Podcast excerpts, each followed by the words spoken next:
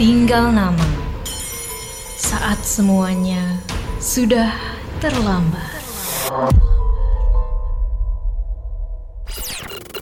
Sedang merintis bisnis baru, ingin menambah perspektif, atau ingin menambah motivasi dan kisah inspiratif? Dengarkan podcast Smart Inspiration hanya di Spotify. Persembahan KG Radio Network part of KG Media. Walau konten audio berdasarkan kisah nyata, beberapa adegan, tokoh, dan kejadian telah dimodifikasi untuk menambah unsur dramatis. Konten ditujukan untuk audiens dewasa karena dapat mengandung bahasa eksplisit dan berunsur kekerasan. Kebijaksanaan pendengar sangat disarankan.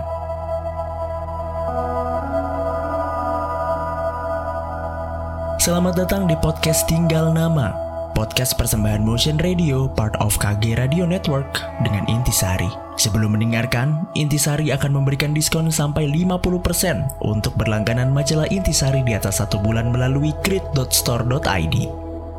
Pada episode kali ini, kita akan mendengarkan kisah seekor anjing yang mempunyai firasat untuk mengendus suatu hal yang mengejutkan.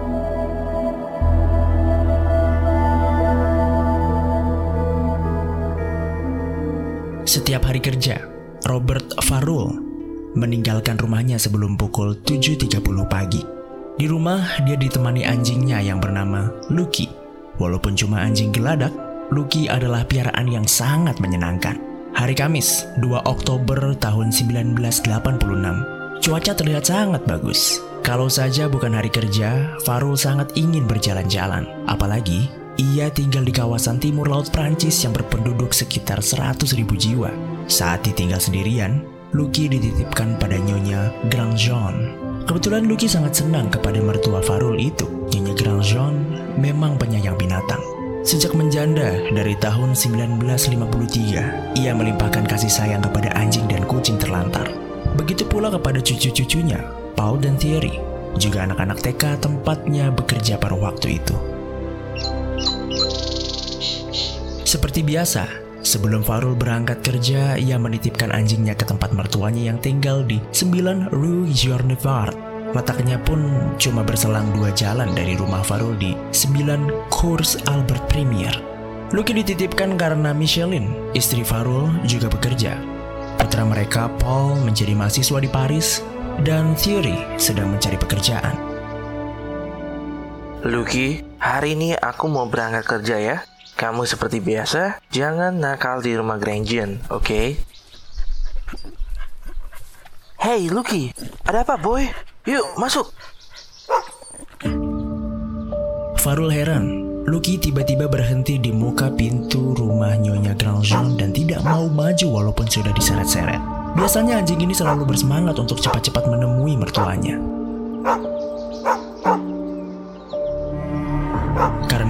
Harus buru-buru ke kantor, diangkatnya anjing itu dari tanah. Sambil menggendongnya, ia menaiki tangga muka di pintu bangunan bertingkat dua itu. Lucky, aku buru-buru nih. Hey boy, diam. Lucky berontak sekeras-kerasnya sampai terlepas dari pegangan majikannya.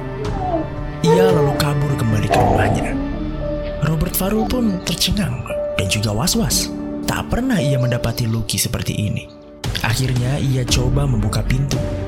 Namun pintu tersebut terkunci. Lusin, kamu gak apa-apa? Mertuanya tidak menjawab dan Farul bertambah khawatir. Yang ia tahu, meskipun umurnya sudah diambang 80-an, tapi Lucien Grandjean sehat walafiat.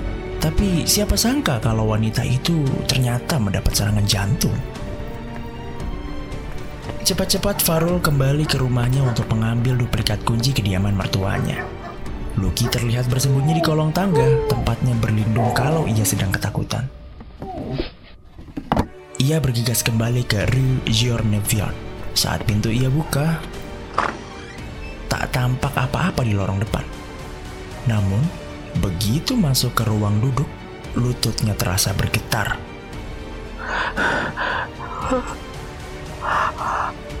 Ah! Tiga mayat bergelimpangan, semua wanita. Rok mereka tersingkap dan pakaian dalam mereka robek. Bagian bawah perut mereka berdarah, leher mereka digorok. Percikan darah tak hanya menodai pakaian, melainkan juga karpet, dinding, dan meja kursi. Wajah mereka terlihat bengkak dan rusak. Ia yakin salah satu dari mayat itu adalah mertuanya.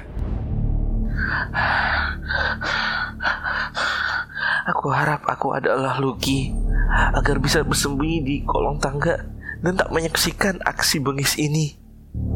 Astaga, manusia mana yang tega bertindak sekeji ini ya? Pantas saja Lucky ketakutan. Rupanya ia segera menyadari kejadian di balik dinding itu. Robert Farul pun berjalan sempoyongan ke rumahnya untuk menelpon polisi. Halo, Pak, tolong di rumah mertua saya di Nine John Fire ada tiga mayat tergeletak. Tolong Pak, tolong cepat ke sini. Nancy bukanlah kota yang sering dilanda kejahatan dengan kekerasan. Pembunuhan keji terhadap tiga wanita lanjut usia itu merupakan kasus pertama yang harus dihadapi Departemen Penyidikan Pembunuhan di kota itu. Dr. Marcel Luke, seorang ahli ilmu kedokteran forensik yang masih muda, hanya baru pernah membaca kasus seperti itu di buku-buku teks. Jujur, aku hanya pernah mengetahui kasus separah ini dalam buku-buku saja. Menyaksikannya secara langsung membuatku merasa pelakunya berjiwa puas. Mungkin pelakunya adalah dia yang baru saja berhasil meloloskan diri dari rumah perawatan sakit jiwa. Sersan Moki, tolong cari tahu kalau ada pasien seperti itu melarikan diri dari rumah perawatan. Inspektur Charles, apa kita akan mencari di seluruh Perancis Timur? Tidak, kita tidak akan mencari hanya di Perancis Timur, tapi di seluruh Perancis. Soalnya orang itu sangat berbahaya dia bukan cuma membunuh, tapi juga memperkosa dan merampok. Pada saat investigasi, kotak tempat uang Nyonya Grandjean ditemukan tergeletak di lantai dalam keadaan kosong. Hasil autopsi menunjukkan bahwa ketiga korban tidak diperkosa. Kematian para korban diperkirakan terjadi pukul 21 dan 21.30 Rabu malam.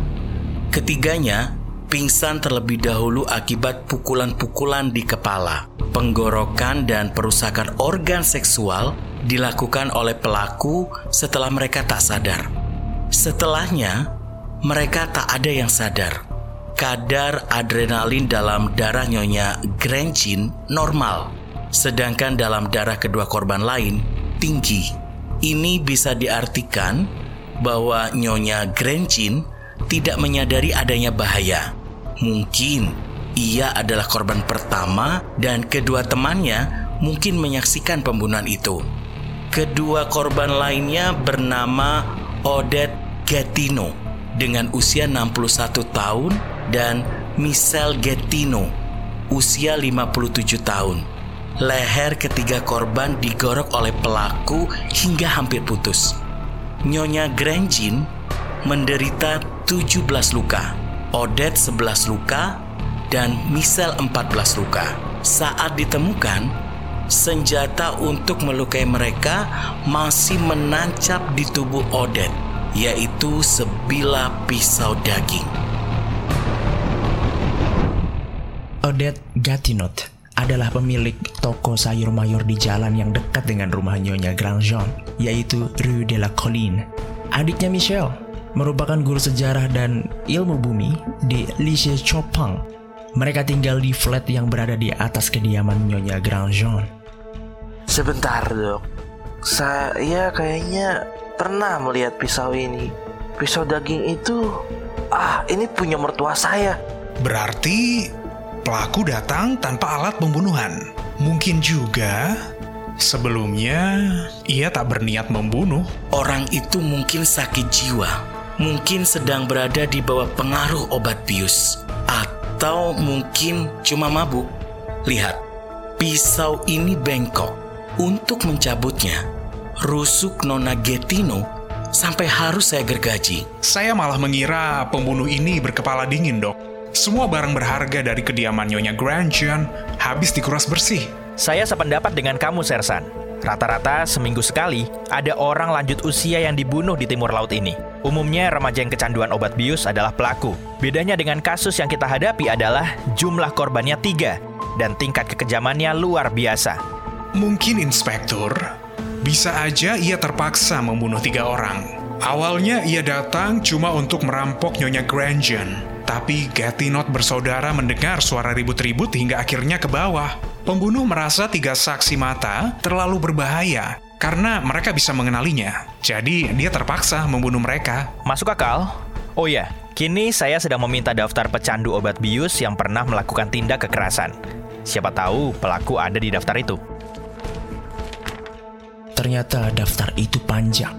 Tingkat pengangguran sedang tinggi di Perancis. Begitu pula jumlah pengangguran muda yang kecanduan obat bius. Menganggur dan obat bius merupakan kombinasi berbahaya. Sebab obat bius memerlukan banyak uang sedangkan pengangguran hanya memiliki sedikit uang. Kebanyakan pecandu muda tidak merampok bank melainkan menodong wanita tua. Kalau pelaku tak bermaksud membunuh, anehnya, kenapa nenek itu membiarkan seseorang masuk ke tempat tinggalnya pukul 9 malam? Kami sudah berbicara dengan para tetangga. Kata mereka, Nyonya Grangen akan menerima siapa saja dengan tangan terbuka. Seumur hidup tinggal di sana, ia merasa nyaman dan aman. Bahkan ia sangat percaya pada anak muda. Hmm, kepercayaan yang harus dibayar mahal. Saat itu polisi belum berhasil menemukan orang-orang yang patut ditahan. Akan tetapi mereka sudah punya sangkaan terhadap lima orang dan mencoba menemukan saksi yang memergoki salah seorang dari tersangka di sekitar tempat itu pada malam pembunuhan. Bagian sidik jari pun belum menemukan petunjuk yang berarti. Para detektif terus melacak gerak-gerik para terduga. Mereka yang memiliki alibi lemah diselidiki dengan saksama. Meskipun sebelah sidik jari ditemukan di tempat kejadian, tapi tak satu pun dianggap ada hubungannya dengan kasus pembunuhan ini. Semuanya adalah sidik jari anggota keluarga. Dan di kotak tempat Nyonya Grandjean menyimpan tabungan tak ditemukan sidik jari siapa pun. Pelaku melakukan pembunuhan dengan pura-pura beralasan seks. Berarti ia cukup cerdik untuk tak meninggalkan sidik jarinya di kaleng tabungan. Inspektur, saya menemukan barang bukti. Bukti-bukti ini bisa menunjukkan bahwa pembunuh tidak langsung pergi setelah membongkar kaleng tabungan, tetapi berada cukup lama di tempat kejadian. Lihat, handuk di kamar mandi bernoda darah. Pipa pembuangan air dari kamar mandi juga mengandung cukup banyak darah. Setelah mengobrak-abrik isi rumah, ia mandi dulu sebelum akhirnya pergi meninggalkan tempat itu. Soalnya ada noda darah di lemari.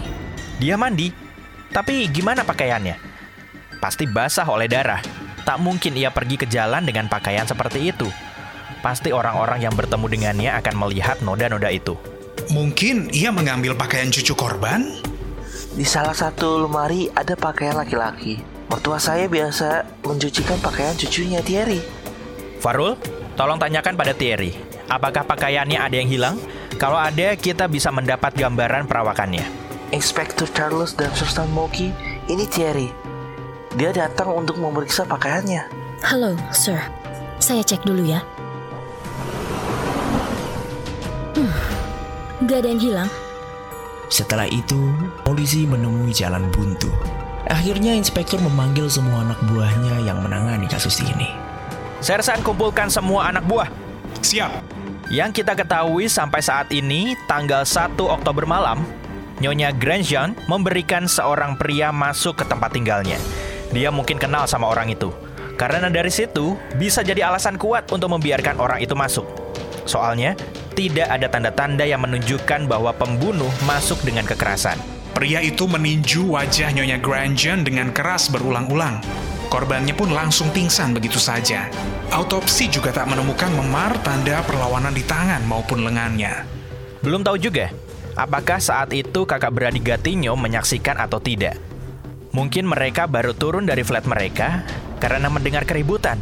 Yang jelas, mereka juga ditinju sampai pingsan.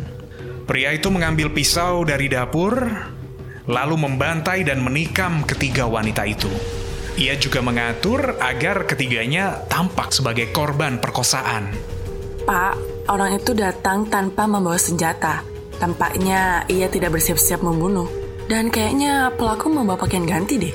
Betul, ada beberapa hal lain yang tidak konsisten menggorok leher tiga wanita lanjut usia, dan merusak organ seksual bukanlah tindakan normal. Tapi caranya menguras isi flat sangat sistematis. Ia juga menjalankan langkah-langkah efektif dan rasional untuk menyembunyikan identitas dan motif kejahatannya. Pak, saya menemukan ada kasus yang mirip di Strasbourg tahun lalu. Apakah pelaku dari yang dikatakan detektif senior sama? Nantikan kelanjutannya di episode Tinggal Nama berikutnya. Jangan lewatkan episode Tinggal Nama selanjutnya. Saat semuanya sudah terlambat, yang tersisa hanyalah tinggal nama.